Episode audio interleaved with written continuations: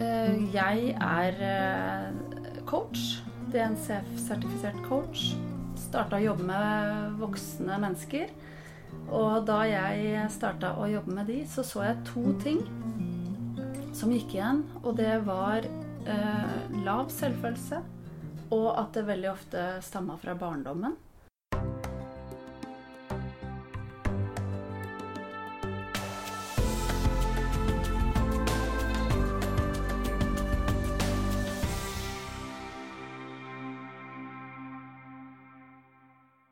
Hei, dette er podkasten Ungdomsforeldre. Jeg heter Ann-Jeanette, og jeg må si jeg er glad for at du lytter til denne episoden her, som skal handle om selvfølelse. Hva er det egentlig, og hvordan kan vi bygge god selvfølelse hos barn og ungdom? Jeg håper og tror at denne podkasten bidrar til at du får noen gode verktøy, at det du lytter til, setter i gang tanker hos deg, refleksjoner rundt foreldrerollen din. Ikke fordi at jeg tenker at vi foreldre skal bli eksperter på noen måte, og at vi skal begynne å opptre som coacher hjemme. Det er virkelig ikke min mening med denne podkasten. Men grunnen til at jeg står bak Ungdomsforeldrepodkasten og fortsetter med dette her, er rett og slett at jeg har veldig tro på kunnskap. Jeg har tro på at den kunnskapen som du får gjennom å interessere deg for foreldrerollen din, og for å lytte til sånn som Ungdomsforeldrepodkasten, gjør deg til en enda tryggere eh, forelder.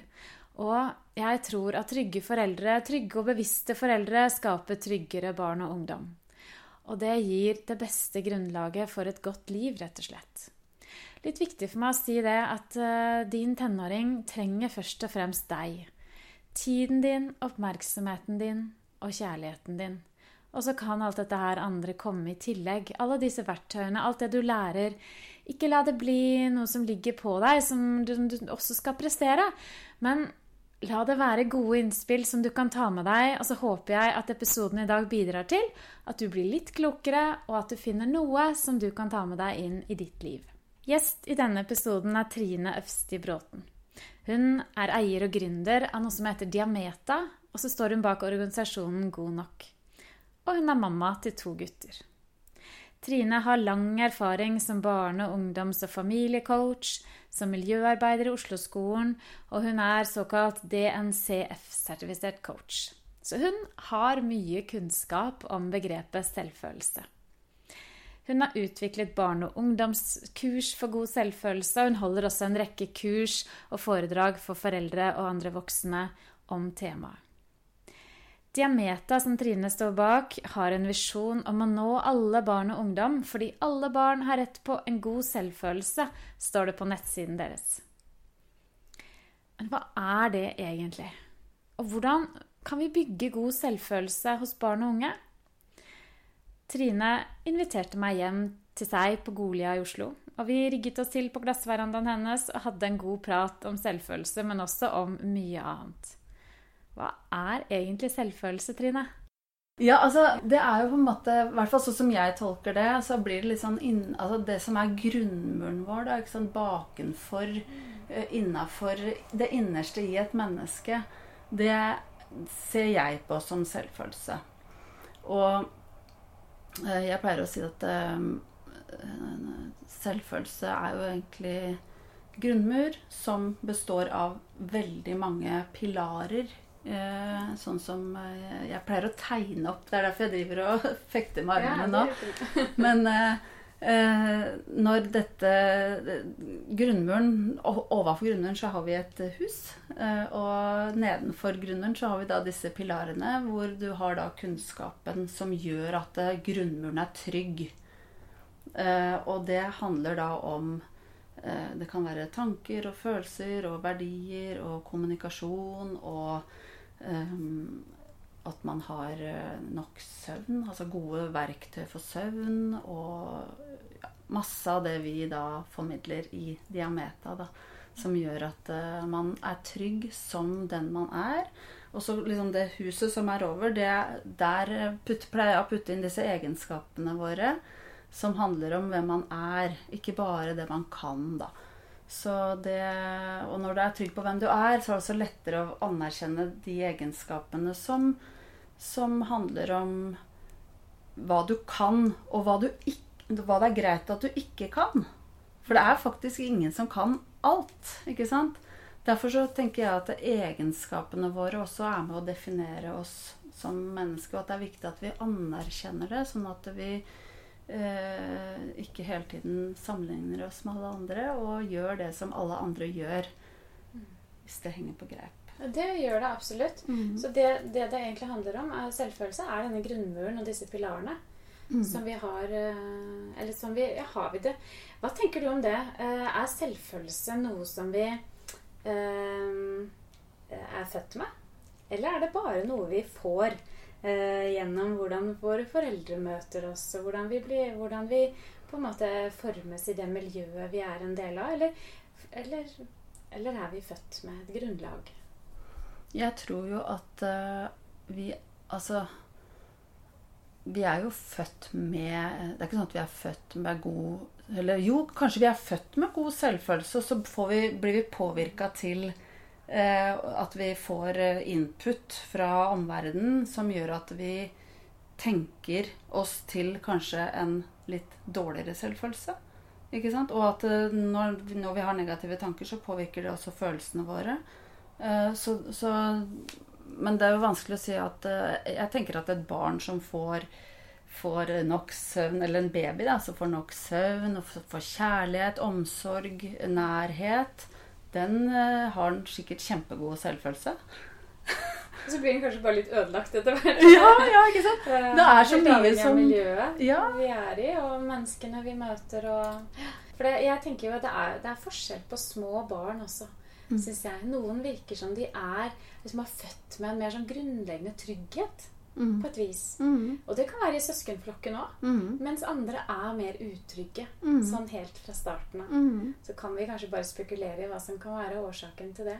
Men, men jeg tenker jo at alle, egentlig u, helt uavhengig av det, vil, øh, kan ha glede av, i hvert fall, Mm. å få kunnskap om hva det er som gir en god selvfølelse, og hva det er som gjør, gir oss en god mental helse, rett og slett. Absolutt. Det er jeg 100% enig med deg i.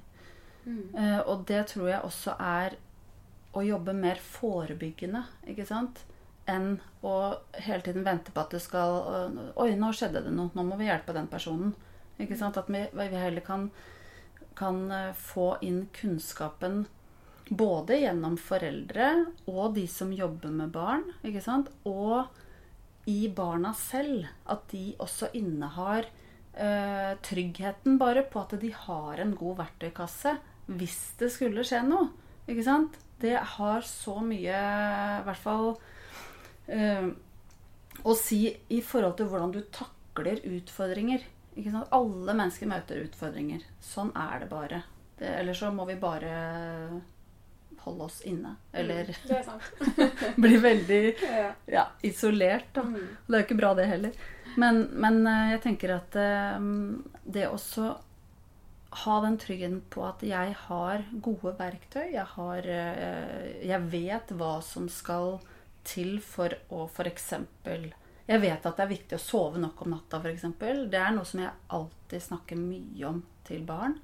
Eh, Jeg snakker alltid veldig mye om eh, dette. For at alle barn går på skole, og alle barn skal lære på skole. Det er kjempeviktig. Så det også ha, ha evnen til å ta til seg læring, og ikke minst klare å konsentrere seg på skolen, det er noe som veldig mange eh, Eller det må alle gjøre når de går på skole, for at de skal klare å lære. Og det snakker jeg også veldig mye om til barna. Og det å vite disse tingene. Så vi driver like mye med bevisstgjøring i Diameta som at vi overfører en haug av gode verktøy. For det å bli bevisst at f.eks. et spørsmål som jeg spør når jeg har barn foran meg, så spør jeg eh, Hvem sitt ansvar er det at du lærer Eller at du tar til deg læring når du er på skolen? Skal jeg si da, Kan du gjette hva de svarer? Jeg kan tippe at de vil si mamma og pappa eller læreren. ja. Ja. Først mamma og pappa, Ja. og så pleier jeg å si nei. Prøv en gang til, sier jeg. Mm. «Eh, læreren? Og så stiller jeg dere ja, Hvem er det som sitter på skolen og liksom skal ta til seg det læreren sier. Å ja, det er meg, ja! Så bare den bevisstgjøringen der er utrolig viktig for, for barna. Og så er det jo ikke sånn at eh, de skjønner alt hva læreren sier. ikke sant? Fordi veldig mange barn sitter på skolen, får mye informasjon. Og hvis de i tillegg tenker at det er mamma og pappa som har ansvaret, så skjønner jo jeg at det ikke alltid er så lett å følge med heller. Men så handler det også om at det er mange som sitter der og ikke tør å rekke opp hånda hvis de ikke forstår hva læreren sier. Og det også er ganske viktig å formidle at Tror du at læreren din klarer å se hva som er inni hodet ditt? Ja, At de forstår at de har et ansvar, rett og slett? Ja, ja rett og slett. Så det ansvaret Og det er, det er, sikkert noen som kommer til å si å, kan ikke legge ansvar på barna. Mm. Men, men, jeg tenker at det, vi skal oppdra barn og ungdom som skal drive samfunnet framover. Og det er viktig å lære de ting som gjør at de er i stand til å være selvstendige individer. Det mener jeg 100% fra hjertet mitt. Og jeg tror at vi kan legge kanskje et større ansvar Ikke sånn at det blir en byrde, og at de får vonde følelser og sånne ting, men mer sånn at de liksom skjønner at dette har en verdi for meg, at jeg følger med, og at jeg sier ifra hvis det er noe som, som jeg ikke forstår. da. Fordi at når, når, eh, Det som også skjer da, i kjølvannet av dette, er at barnet sitter på skolen, øh, kanskje skjønner ikke helt hva læreren snakker om, og så skal de gjøre lekser når de kommer hjem. Og det som veldig ofte skjer da, er at Dette snakker jeg erfaring, ikke med mange barn som jeg har snakka med det er at Å, nå må du komme i gang med lekser. Ja, kom i gang med lekser. Og så sitter de, og så skjønner de ikke alltid hva de skal gjøre. For at de har kanskje ikke fulgt med, eller de har kanskje ikke skjønt hva læreren snakker om. Og da er det jo også viktig at de på en måte forstår at jeg har ansvaret når jeg er på skolen, til å si ifra hvis jeg ikke skjønner hva læreren snakker om. Da vil jeg også kunne gjøre leksa mi uten at jeg trenger å, å spørre mamma og pappa. Fordi at hvis du spør mamma og pappa og får svaret, så hvem, hvem, er det som har gjort leksa da? Det er jo mamma og pappa. Mm. Min erfaring er at barn egentlig liker ganske godt det å få det ansvaret. Ja. De vokser på det. Ja. Jeg tenker jo litt sånn at Når vi voksne overtar og gjør ting for barn som de egentlig kan gjøre selv, mm. så gjør vi barna litt mindre. Ja. Og oss litt større. Ja. Men det beste er jo hvis vi kan gjøre motsatt. Ja. Hvis vi kan eh, gi barna ansvar som ikke er for mye, sånn at det blir overveldende og vanskelig for dem, men som er sånn passe, mm. så, så, vokser jo barna. Ja. Og bare, jeg tror de blir tryggere av det. Absolutt. Bare tenk den mestringsfølelsen når du kan liksom gjøre leksa di uten Altså, jeg gjorde leksa mi før du kom hjem fra jobb, f.eks. Det er mestringsfølelse. Mm. Kommer på skolen, så har du riktig. Det er du, du som har gjort alt. Hvis du må spørre mamma og pappa hver dag om leksa, og de må liksom Å, vi må gå på YouTube og sjekke ut disse nye regnemåtene, f.eks. Så er det jo Vil jo kanskje barnet tenke at ja, ja, nå fikk jeg hjelp igjen, da. Ikke sant? Mm. Uh, og jeg tror da at denne følgeproblematikken, som jeg pleier å kalle det, når man da ikke har den bevisstheten om at det er jeg som har ansvaret, den har mye å si for, for de tusen hjem, vil jeg kanskje si. Men en ting som vi faktisk får en del uh, uh, Hva skal jeg si som, som går igjen da på våre kurs, Eh, og i et samtale med barn, det er jo at det blir mye kjefting og masing rundt dette med lekser og mm. også andre ting. Og der er det jo også da man må på en måte frigjøre foreldrene litt fra det. ikke sant? Og når, hvis du kommer på skolen, og du har tilbake Du har liksom vært på skolen, lært et eller annet i matte f.eks. Kommer du tilbake, og så har du feil på tre oppgaver. Og så tenker jeg Så fint at eh, læreren ser at du ikke skjønte akkurat det. For det er jo det som er læring. Du skal ikke ha rett hver eneste gang du kommer på skolen. Det er jo, altså det, er jo det som er å gjøre lekser. Lekser er repetisjon. Og det skal, hvis du ikke har forstått det, så skal læreren se det. Da skal ikke læreren tenke at ja, men her har jo han eh, Ola skjønt oppgaven sin. Så er det egentlig mammaen og pappaen hans som har skjønt det. Ja, så jeg det tror dette her er veldig veldig viktig. Og dette er noe som barna som jeg snakker med, de skjønner det så godt. Og når vi sier 'hva er det dere har lært i dag', det viktigste At vi skal rekke opp hånda i timen!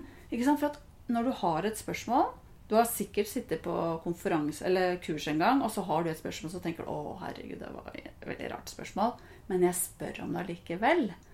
Og så gjør du det, og så bare 'Å, det lurte jeg på òg', sier veldig mange andre da. Ikke sant? Så veldig ofte så er det faktisk en del som lurer på det samme.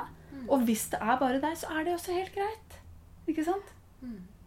Det, dette, er- tenker jeg, dette er en av de pilarene, Ja. er det ikke det? I Jo, den grunnmuren. Ja. Så det er noe Ok, da har vi, liksom, da, da har vi, da har vi liksom kartlagt en av pilarene. Og- Og egentlig ja. sagt til foreldre at uh, dere kan slippe litt. Ja, vi, dere kan slippe litt. Er Og det, det andre som- ting? Ja, men det som er grunnen til at vi kom inn på disse pilarene, handler jo om Mm. disse egenskapene også. At eh, vi er forskjellige mennesker. Og når du sitter 28 forskjellige mennesker i et rom, så er man nødt til å Altså Det er ikke så lett for læreren heller å, å på en måte se inn i hodene på alle disse 28 barna. Så derfor er det også viktig at disse barna sier litt hva er, det, hva er det som er viktig for meg, hvordan er det jeg trenger å få den læringen. ikke sant? Kanskje de trenger å, altså Kanskje de er så urolige at de klarer ikke å, å, å konsentrere seg. Kanskje de trenger en, en runde rundt uh, skolegården. Eller rundt huset. Eller hva heter det? Eh, skolen? skolen, rett og slett. Bare for Ja. å få ut litt stil. Ja, For å ja. klare å konsentrere seg igjen. Mm. For at eh, vi er jo Vi trenger å Alle har forskjellige strategier for hvordan vi tar til oss læring. Mm. Og det er også Vi snakker mye om dette med selvhjelpsteknikker også. Eh, som handler et, et selvhjelpsteknikk kan jo være det rett og slett å løpe rundt i skolegården for å få ut litt energi. For å klare å sette seg ned og, og konsentrere seg, rett og slett. Så, men så er det jo Ja, dette handler jo liksom om Der er ingen like, og det er litt viktig at vi anerkjenner. Så det er Ja, jo det utfordringen til læreren. en, eh, det fins ikke en mal på en måte hvor alle barna passer inn. Og hvis man, gjør, hvis man gjør sånn og sånn, så kommer det til å gå bra. Nei. Det er jo litt viktig, det tenker jeg også er litt viktig å si. Mm. At det, det fins ikke noe oppskrift. Nei. Og det er jo det som er så morsomt med å jobbe med mennesker. For det, det er så forskjellig fra person til person hva som funker. Og derfor så er det viktig å, å, å spare litt. Hva, altså, hvordan kan dette her funke for deg? F.eks. dette med å gjøre lekser. da. Når du kommer hjem fra skolen, hvordan er det best for altså, Hva ser du for deg? ikke sant? Pleier jeg å spørre barn. Hvordan, hva tenker du er den aller beste løsningen? Og veldig veldig ofte så har de løsningen selv. Og det, da snakker vi mestringsfølelse igjen. Og motivasjon for å gjøre lekser. ikke sant? Og det tror jeg er så utrolig viktig at vi hele tiden ehm, anerkjenner den enkelte ikke sant? som den dem er. Ikke bare for hva de kan hele tiden, da. Ja, For nå er du litt inne på forskjellen mellom selvfølelse og selvtillit, tenker Ja, jeg. Det er jeg. Kanskje vi skal definere det også? Det er ikke alle som kanskje har det helt klart for seg. Nei da. Forskjellen på det. Selvfølelse han, altså det er jo hva du føler om deg selv, og hvilken verdi du har som menneske. Selvtillit handler mer om øh, den tilliten du har til dine prestasjoner, eller hva du gjør, da. Så jeg pleier å si selvtillit handler om hvem du er. Nei, selvfølelse handler om hvem du er. Selvtillit handler om hva du gjør. Bare sånn veldig, veldig kort. ja. Selvtilliten er mer knyttet til eh, prestasjoner, Ja. sant? Og det man eh, oppnår, da. Mm. Eh, tenker jeg Gode karakterer. Ah, det gir meg en god selvtillit. Yes. Sant? Ikke nødvendigvis en eh, god selvfølelse. Nei, men jeg må ha en god selvfølelse for å takle de gangene jeg ikke får det til. Mm. Da er det den jeg trenger. sant? Ikke sant. Det- Og det som jeg også uh, Som jeg også ser blir et resultat av å ha en god selvfølelse, det er at uh, man tenker at Vet du hva?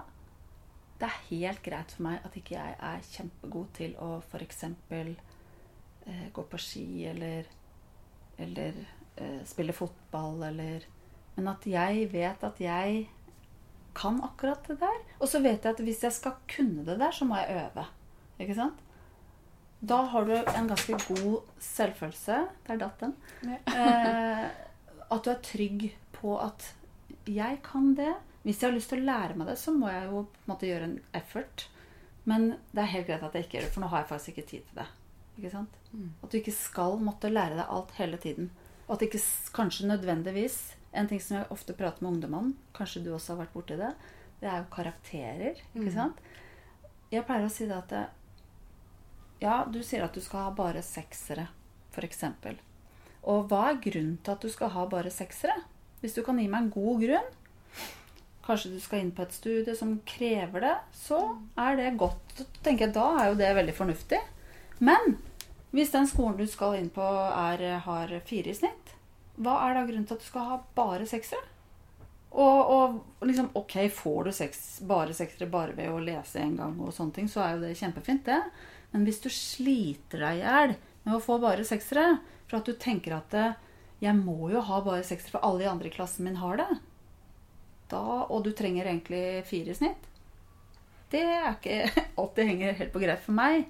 Og når vi setter det i den konteksten der, så Å ja, så jeg kan puste litt òg, ja. Jeg må ikke ha det, jeg må ikke sammenligne meg med alle de andre hele tiden. Hvem har du følelsen av, er, Har du en erfaring med hvem er som er driverne bak det der jaget der? Er det, er det ungdommene selv, eller hva er, det som, hva er det som gjør at det For det har skrudd seg til de siste årene, tenker jeg. Nå har kravene for å komme inn på høyere utdanningen har vel også blitt høyere. Mm. Men har du noen tanker om det? Det blir jo ikke noe sånn to streker under svaret, men det blir mer en uh, refleksjon, tenker jeg. At, uh, og jeg tror det at uh, i dagens samfunn så har vi sosiale medier som gjør at ting kommer fortere fram. Altså ting når oss fortere, ikke sant? Og jeg skal ikke skylde på sosiale medier i dette tilfellet her, sånn sett, men men det at altså det, det ene du sier, er at det er høyere krav. Det er det. Det må kanskje være én årsak. Og så tror jeg også at uh, vi er veldig flinke til å uh, Når no, vi ser at noen gjør det bra, så har vi også lyst til å gjøre det like bra. Og da blir det den derre at det blir sånn Hva heter det når vi driver og påvirker hverandre? Liksom massesuggesjon. Eller at vi drar liksom eh, Dette her bare vokser og vokser litt sånn uten kontroll. Da. Eh, og det er jo også da sosiale medier egentlig med på å drive opp, fordi at eh, vi ser hele tiden hva andre gjør. ikke sant? Vi, vi ser 'Å, nå kom den min på det studiet der', eller 'nå fikk hun bare sekser', eller om de legger det ut sånn, eller Jeg vet ikke akkurat hvordan disse ungdommene gjør det helt praktisk, men, men at de påvirker hverandre, det er jeg ganske sikker på at de gjør, altså. Og jeg tror, i hvert fall sånn som jeg har hørt fra noen av de jeg har jobba med, så er det litt sånn derre 'Å, nå fikk jeg' ikke sant? De sitter i klasserommet og bare jubler over at de har fått eh, en sekser, eller hva det nå enn er, da. Og det, hvis du sitter der da og har fått en treer og tenker at 'Å, jeg skulle også ønske jeg hadde sekser i det faget', men det er jo ikke favorittfaget mitt. Men jeg har jo lyst til det likevel, så da setter jeg meg og jobber i ti timer hver dag. Ja, hvis du skjønner hva jeg mener. Det, det er ikke noe, to streker, og det er, det er mange parametere som, som spiller inn her. Ja, verden har blitt mindre, og vi, den flokken vi sammenligner oss med, har blitt veldig mye større. Så det er klart at alt dette er vel en del av det. At vi, vi har flere vi kan, vi kan sammenligne oss med. Mm. Absolutt. Kan, jeg tenker Nå har vi jo snakket noe om hva foreldre kan gjøre. Rett og slett eh, slippe lite grann. Mm. Um, hva, hva mer tenker du at eh, vi som er nær på Da tenker jeg også på lærere. Um, Jeg sånn som er nær, til, nær barn, da. Hva kan, hva kan de gjøre for å styrke selvfølelsen til barna? Ja. Jeg tror jo det er viktig å ha mer kunnskap om det, for å være helt ærlig. Fordi at Altså, kjærlighet er veldig viktig. Det er jo kanskje det viktigste vi gir barna våre. At vi viser dem at vi er glad i dem, og at de er trygge hos oss. ikke sant? eh, Nå snakker jeg liksom som mamma, da. At barna mine skal føle seg trygge hos meg, og at de føler at jeg er glad i dem og sånne ting. Det er veldig, veldig viktig. Det er primærbehovene sånn sett. Eh, og så er det jo viktig å, for en forelder å, å få litt mer kunnskap om hvordan kan jeg hjelpe og styrke den selvfølelsen til barnet mitt. Eh, og det kan jo være at man leser bøker. Det fins masse bøker der ute. Det kan, det kan være å høre på podkaster. Det kan være å eh, gå på kurs, eller hva det enn måtte være. Men, men, det å søke etter litt mer kunnskap tror ikke jeg har så veldig Altså det, det er ikke negativt, da, kan jeg si. Mm. Eh, og for min egen del Jeg ser jo da jeg eh, tok min eh, coachutdanning som en av grunnene til at jeg gjorde det, var fordi at jeg ønska å gi barna mine For da hadde jeg ett barn, men nå har jeg ett barn til. Men å være en god Nå skal jeg ikke si god mor, sånn sett, men å være en, en god rollemodell for barna mine. Og ha en god, solid verktøykasse som jeg kan hjelpe de med eh, når de måtte ha behov for det. Og det har jeg faktisk gjort i mange tilfeller eh, faktisk. Eh, jeg trenger kanskje ikke å snakke så mye om det nå, men, men Har du noen har... eksempler, så kom gjerne med det. ja. Eh, ja, altså jeg har um, et eksempel fra Det var eldstemann. Han er nå 18. Og han eh, hadde vært på påskeferie en gang. Kom hjem og fikk, hadde mareritt. Og, og liksom plagdes litt med det, da, rett og slett. Og da, ha, ha, da tenkte jeg nå er jo et perfekt eh, øyeblikk å bruke verktøykassa mi. Så da spurte jeg vil du fortsette å ha det sånn som du har det nå, og ha mareritt, eller eh, har du lyst til at jeg skal prøve å hjelpe deg med det? Og da sa han veldig gjerne ha hjelp til det. Så da gjorde jo jeg noen teknikker da, som jeg har lært i mitt studie eh, som var utrolig gode. Og det handler mye om rett og slett eh, visualisering. Hvordan man kan eh, rett og slett enten få skyve bort bilder eller, eller skru ned volumet i hodet. Noen ganger så har vi stemmer som prater veldig, veldig høyt i hodet vårt. Eller at man Skal vi se, hva var det vi gjorde der, da? Jeg gjorde en kombinasjon av egentlig ganske mange teknikker. Da, så det er, så, det er, ikke så, lett å ta fram akkurat én. Men, men, det handler liksom om å få han da til å eh, I dette tilfellet få disse bildene som han Dette handler jo om visualisering. ikke sant? Få disse bildene som han da fikk i hodet sitt, eh, til å bli mindre skremmende, rett og slett. Og jeg husker han, Det var en sånn klovn som, som var eh, kanskje hovedfiguren da, som han så. Det siste han gjorde, var å sette den klovnen på et tog til Trondheim. og da var liksom det Det var enden på den eh, session, da.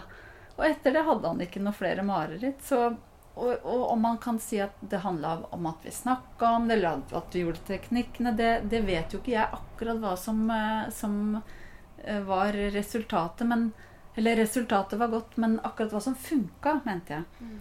Men jeg tror for, for han å se at jeg da tok han på alvor, og at jeg hadde noen verktøy, ikke sant? Eh, og at han hadde troa på at jeg kunne hjelpe han, det tror jeg gjorde forskjellen, altså. Mm. Så for å svare på spørsmålet ditt om hva er det som Hva skal foreldre gjøre? Det handler egentlig mye om å, å tilegne seg litt mer kunnskap da, om dette her. For det er, altså, er det ikke alle som uh, kan ta en coachingutdannelse. Nei, nei, absolutt ikke. Så hva, Har du noen sånne gode eksempler på sånne helt enkle ting som foreldre da, som ikke har den kompetansen, kan gjøre? Jeg tenker jo bare det du nevnte med det at, det at han fikk snakke om det, mm. og det at du tok det på alvor, det er jo mm. kanskje ett eksempel. Ja. Ikke, jo, men én ting som jeg Altså, én ting er, som du også nevner her, at uh, foreldre har ikke den Trenger ikke å ta en coachutdanning. Absolutt ikke. Men jeg tror det også handler litt om at det er ikke alt foreldre vil nå igjennom med. ikke sant? For det, på et eller annet tidspunkt så slutter øh, kanskje ungdommen da, å lytte så veldig mye til foreldrene sine. Da blir det mer sånn talk to the hand, eller hva man skal si. så, øh, så, derfor så tenker jeg at øh, at de også kan åpne opp for at det fins hjelp andre steder, ikke sant. Så en sånn uh, teknikk som vi ofte bruker, eller som jeg også sier til foreldre hvis de ringer til meg og er litt uh, i tvil om hva vi skal gjøre nå, det er jo å spørre, gi de to valg. Spørre vil du fortsette å ha det sånn som du har det nå, sånn som jeg spurte han om. Eller vil du uh, ha det bedre, f.eks. Eller vil du bli kvitt det problemet, eller hva det måtte være. Og veldig ofte så vil de jo ha det bedre, ikke sant. Og da kan man jo begynne å tenke på ok, hva, hva, hva, er det som skal til da, for at du får det bedre. Da får man dialogen her, ikke sant. Hva er, det, hva er det som skal til? Og hvis man i tillegg setter på en skala fra 1 til 10, hvordan har du det på akkurat det området der? Ja, det er på 1, ikke sant? Altså, 10 er best, og 1 er skikkelig dårlig. Så pleier jeg også å spørre, og dette kan foreldre bruke også, spørre ok, hva er det som skal til for at du kommer deg oppover på skalaen? Og da har de veldig ofte svarene selv. Men hvis du som forelder hele tiden sier at du bør gjøre sånn, og du bør gjøre sånn, og du må i hvert fall gjøre sånn, så er det ikke sikkert at de gidder å høre på deg. Men hvis du heller, heller har en dialog hvor du bruker noen sånne konkrete verktøy som to eh, Nå driver jeg og viser deg to fingre her. Det syns jo ikke på podkasten. Men at du, du, gir de to valg. da. Vil du fortsette å ha det sånn som du har det nå, eller vil du ha, føle, ha det bedre? Ja, vi har det bedre. Ok. På en skala fra 1 til 10, hvor ille er det nå da? Ikke sant? Eller hva, hvilket tall er det? Ja, vi er på 5. Hva er, det, hva er, det, som skal til for at du kommer deg oppover? Og da vil de komme med gullet. Og da kan du kanskje si at vet du hva, dette her har jeg ikke kompetanse på. Ok, da kanskje vi kan finne en person som kan hjelpe deg. Ikke sant? Mm. Mm, Så... Det har jeg absolutt tro på. Men jeg er også litt opptatt av det at vi, skal, vi foreldre kan gjøre en stor forskjell når det gjelder det å å normalisere litt. Mm. Eh, at det er helt vanlig, eh, faktisk, mm. å være lei seg ja, i perioder. Absolutt. Det er helt vanlig å grue seg til eksamen. Ja.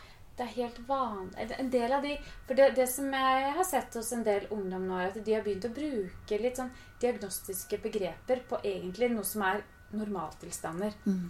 At det å være lei seg Eh, er noe alle er innimellom. Mm. Mm. Og det er helt ålreit ja. å kjenne på at man er lei seg. Og det er en eh, viktig følelse å anerkjenne. Å, ja, og vi trenger ikke å ta det vekk heller. Nei, nei, nei. Det er greit å være lei seg. Og det er noe helt annet enn å være deprimert. Mm.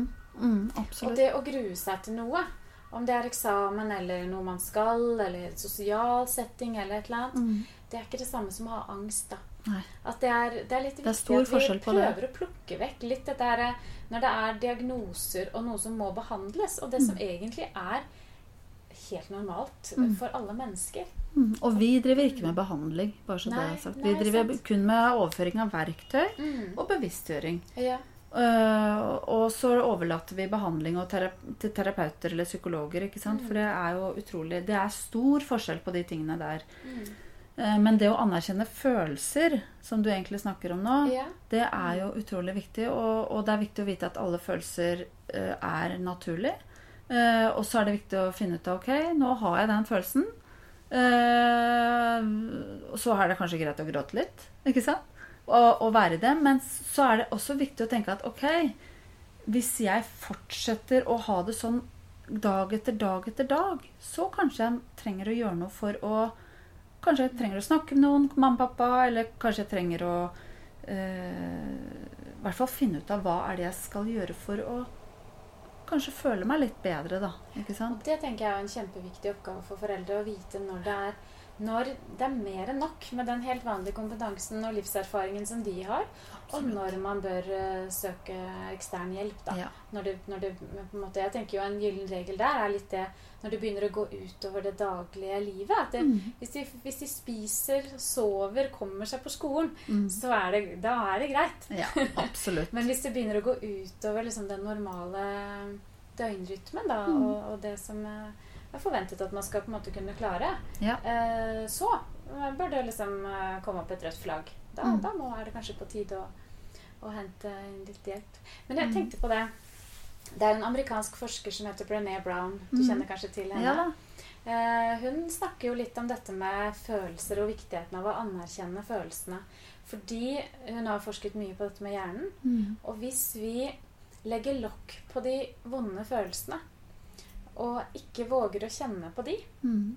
så viser det seg at da legger vi også lokk på gleden Mm. og de gode følelsene. Mm. Så vi kan ikke på en måte Hun snakker om det eh, på engelsk, så er det sånn vanskelig å oversette, men hun, hun sier liksom at når vi nummer de vonde følelsene Mm. hele tiden, Mm. og prøver å fjerne de, som vi foreldre kanskje kan ha litt lett for å gjøre, fordi det er vondt å se at barna våre ikke har det bra. Mm. Så når vi nummer de, så nummer vi også de gode følelsene. Mm. Så det å liksom våge å være med barna på den berg-og-dal-banen som livet er, Ja. det, det er jeg opptatt av. ja, Av at vi skal på en måte ja, anerkjenne Egentlig bare anerkjenne at vi har et spekter av Ja. følelser. Ja. Og Mm. det er det Det er helt vanlig å være lei seg. Ellers så hadde vi jo, som du sier, ikke kunnet Mm. være, ha, føle glede. mm. Det er veldig fort at vi står der oppe på toppen. Vi foreldre våre liksom vil ha de opp. Vi Ja. vil jo at de skal ha det bra. Ja, hele tida. Ja, Så det, er, liksom- det har jeg kjent på, hvert fall som utfordrende. Og øh, hvis de f.eks. har kjærlighetssorg, da, Mhm. sant? så er det jo veldig fort for oss å liksom, ah, Det går over. Det går fint. Kom, nå, gjør vi, nå, nå går vi og spiser noe godt, eller tar en ja, gjør et eller annet gøy. Som at Mm. vi skal, på en måte, de skal slippe å kjenne på det. Mm. Og vi som har levd en stund, kan jo også tenke at eh, vi vet jo at det går to uker, og så er det glemt. Mm. Eh, når man er kanskje 14-16 år. Ja. Men det vet jo ikke de. Nei. For de er jo det verdens største krise. Ja. Og det å liksom møte de på det, det er utfordrende for oss foreldre. å Ta det på alvor. Ikke la de få lov til å liksom gå helt ned i kjelleren og liksom Nei, og Grave når det begynner seg å bli sånn negativ spiral. spiral, ikke Ja, sant? de må da... på en måte komme seg på skolen og gjøre de tingene. Men Mm. samtidig si at ja, dette her er noe dritt. Ja. Det er det.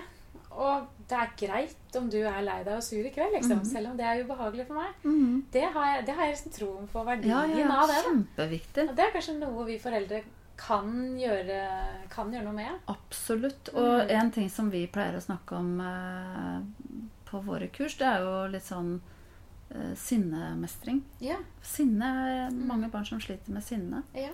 Og veldig Eller en- en del sier også at eh, når jeg er sint, så, så, så kommer eh, enten læreren eller mamma og pappa og hva, er det for noe nå? Hva? Og så begynner å spørre litt og grave litt, og da kan de bli enda mer sint. Ikke sant? Og istedenfor å gjøre det, så kan man si at vet du hva, det er helt greit at du er sint eller lei deg, eller hva det måtte være, og la de få litt tid til å roe ned den følelsen. ikke sant? Eh, og, og tar det et kvarter, så la de få det kvarteret, da. Og så kan vi heller snakke om det når dere har roa dere ned. Det er en god teknikk for å og, og sånn som du sier, hvis de trenger 14 dager da, på å takle den kjærlighetssorgen, så blir jo det også på en måte en anerkjennelse av den følelsen. Mm. Ikke sant? Men, men la de nå få den tiden de trenger til å Og når du er klar, så kommer du til meg. Ikke sant? Hvis du vil snakke om det. Det er ikke sikkert de har lyst til å snakke om det heller.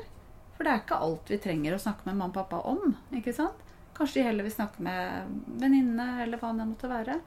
Men det å på en måte være litt sånn der, holde litt tilbake i den derre å skulle vite alt. eh, Og ha sånn intervju når de er i midt oppi en følelse. Og så pleier jeg pleier å si til eh, Når jeg snakker med foreldre, så pleier jeg å si det at eh, hvis du og mannen din eller noe sånt da, har en liten eh, Du er litt sånn irritert på mannen din, så kommer han til deg og sier 'Hva er det for noe nå? Hva er det du er irritert på nå?' Blir du, liksom, blir du veldig glad når han eh, kommer med 100 spørsmål til deg da? Eller hadde det vært greit for deg å ha hatt litt sånn ro? Hva tenker du? Det er jo godt med litt ro. Ja, Ja, ikke sant? det Og det det. akkurat, er jo Mm. akkurat sånn med barn også. Mm. Vi må huske på hvordan vi reagerer når Mm. vi er oppi en sånn følelsestopp, da, som jeg pleier å kalle det. Mm. Og det er veldig forskjellig. Jeg pleier å tegne en sånn bue, og så tegner jeg liksom fra du liksom blir trigga til du er nede på kurven igjen. Hvor lang tid tar du? F.eks. når du er sint, da. Noen tar ti minutter, andre ganger tar det et kvarter. Det er veldig forskjellig. Noen tar to dager. Og hvis man da får litt ro i den perioden, så er det lettere at den følelsestoppen, eller, eller følelsesbobla, eller hva man skal kalle det, kanskje blir kortere og kortere, fordi at du Da får du den roa, da. Og det er jo begrensa hvor lenge du gidder å sitte i ro og være sint. Å være sint. for deg Ja. selv. det er sant. Hva er det som er viktig for deg som mamma, da? At eh, barna mine har et trygt, eh, en trygg person som de kan eh, komme til med det de måtte ønske å komme til meg med. Og at de vet at jeg stiller opp og hjelper dem eh, når de måtte trenge det. Og at jeg også anerkjenner de som person. At jeg ser at du er en sånn type. At jeg ikke setter barnet mitt i en annen At jeg vil at det skal være en annen, hvis du skjønner. Men at jeg ser at han er sånn, og han er sånn. Jeg sammenligner ikke de to. Og det vet de veldig godt, at, eh, at jeg er opptatt av det. Eh, og selvfølgelig at jeg viser de kjærlighet sånn som jeg vet at de trenger å få kjærlighet. Og der er vi jo forskjellige, ikke sant? Eh, du har sikkert hørt om de fem kjærlighetsspråk. Ja, ja, ja. Og det å, å vise kjærlighet sånn som Og dette funker like bra på barn. Mm. Og jeg ser jo han eh, yngste, han er veldig Han viser meg med sitt kjærlighetsspråk.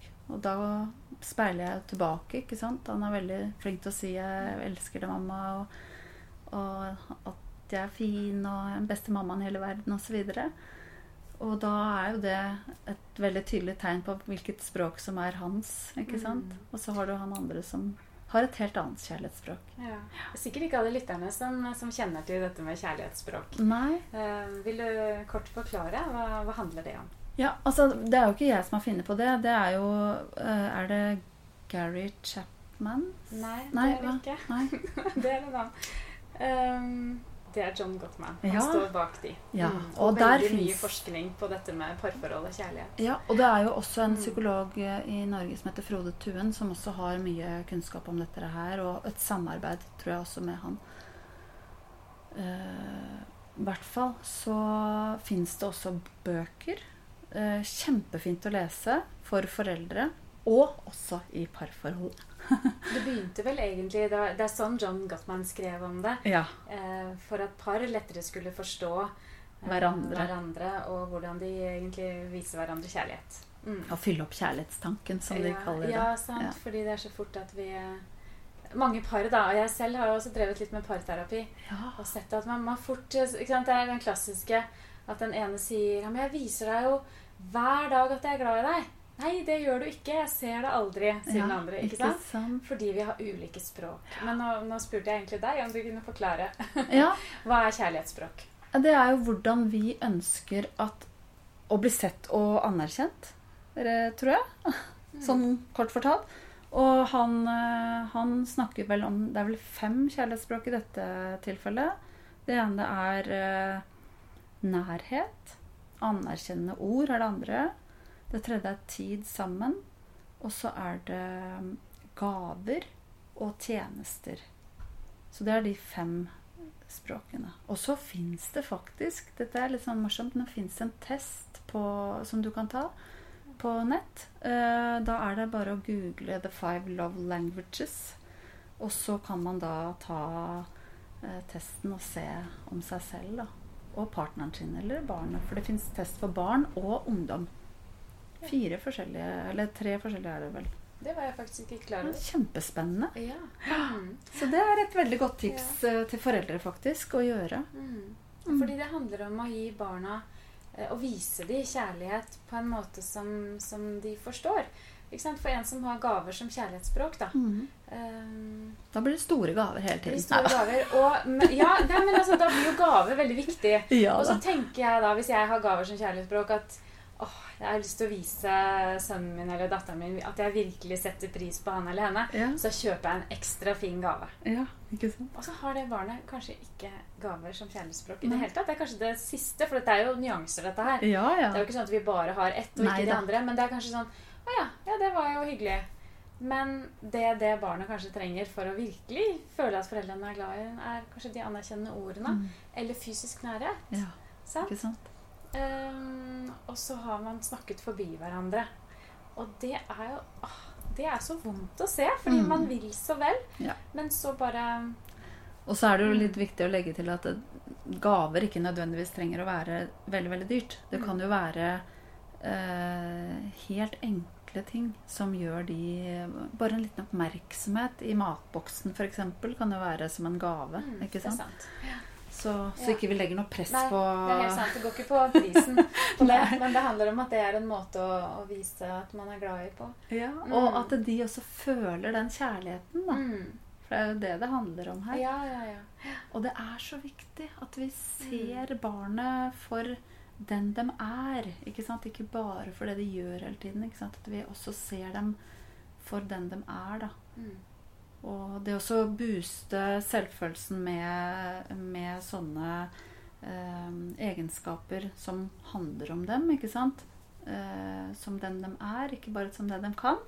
Det også er jo utrolig fint. Hva kan det være, for Det kan være at eh, Sånn som jeg pleier å si til min eh, yngste sønn, da.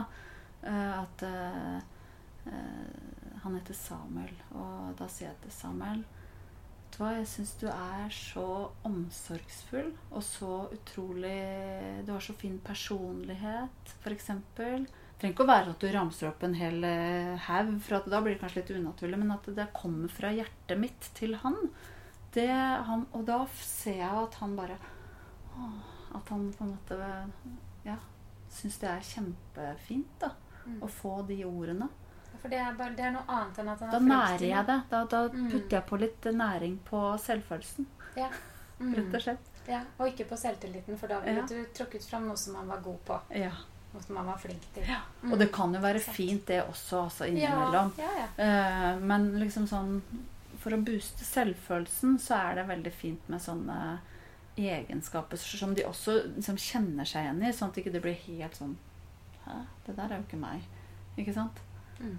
Ja. Kan vi oppsummere litt da, Trine, til slutt? Kanskje Ja. så det kan bli litt tydelig. Altså, det første vi begynte med, var jo egentlig slipp lite grann. Ja. Eh, la de få lov til å seile litt Ja. sin egen sjø og ta ansvaret selv. ja. Um, let litt etter kjærlighetsspråket deres. Hvordan viser de kjærlighet til de rundt seg? Mm. Og hvordan kan vi best eh, gi, de, gi kjærlighet til, mm. til hvert enkelt barn? Mm. Eh, anerkjenne de. Jeg syns det er noe som har gått igjen. Mm. Virker som du er opptatt av det.